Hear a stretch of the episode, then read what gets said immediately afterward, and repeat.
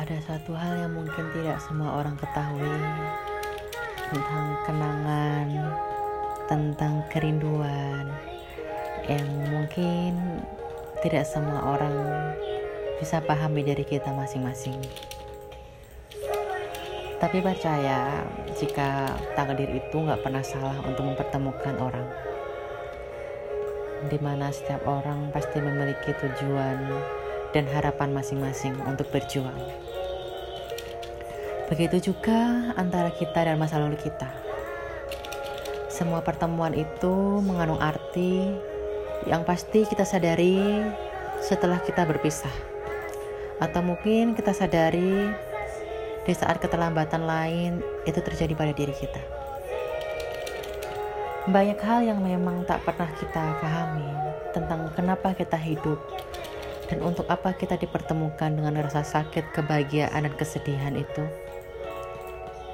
Tapi yang kita ketahui adalah jika hidup kita ini berarti kita salah satu orang yang beruntung untuk bisa menikmati hidup.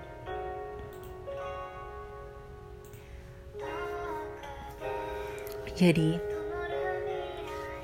jangan menyerah, jangan kecewa Jangan berpikir hal-hal yang terlalu di bawah kemampuanmu. Yang harus kita sadari saat ini adalah jangan sia-siakan hidup kita. Jangan sia-siakan hari ini.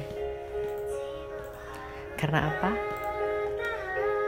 Karena tentu hari ini ataupun yang telah berlalu tak bisa untuk kita ulang kembali. Jadi, tetap berjuang, tetap melangkah.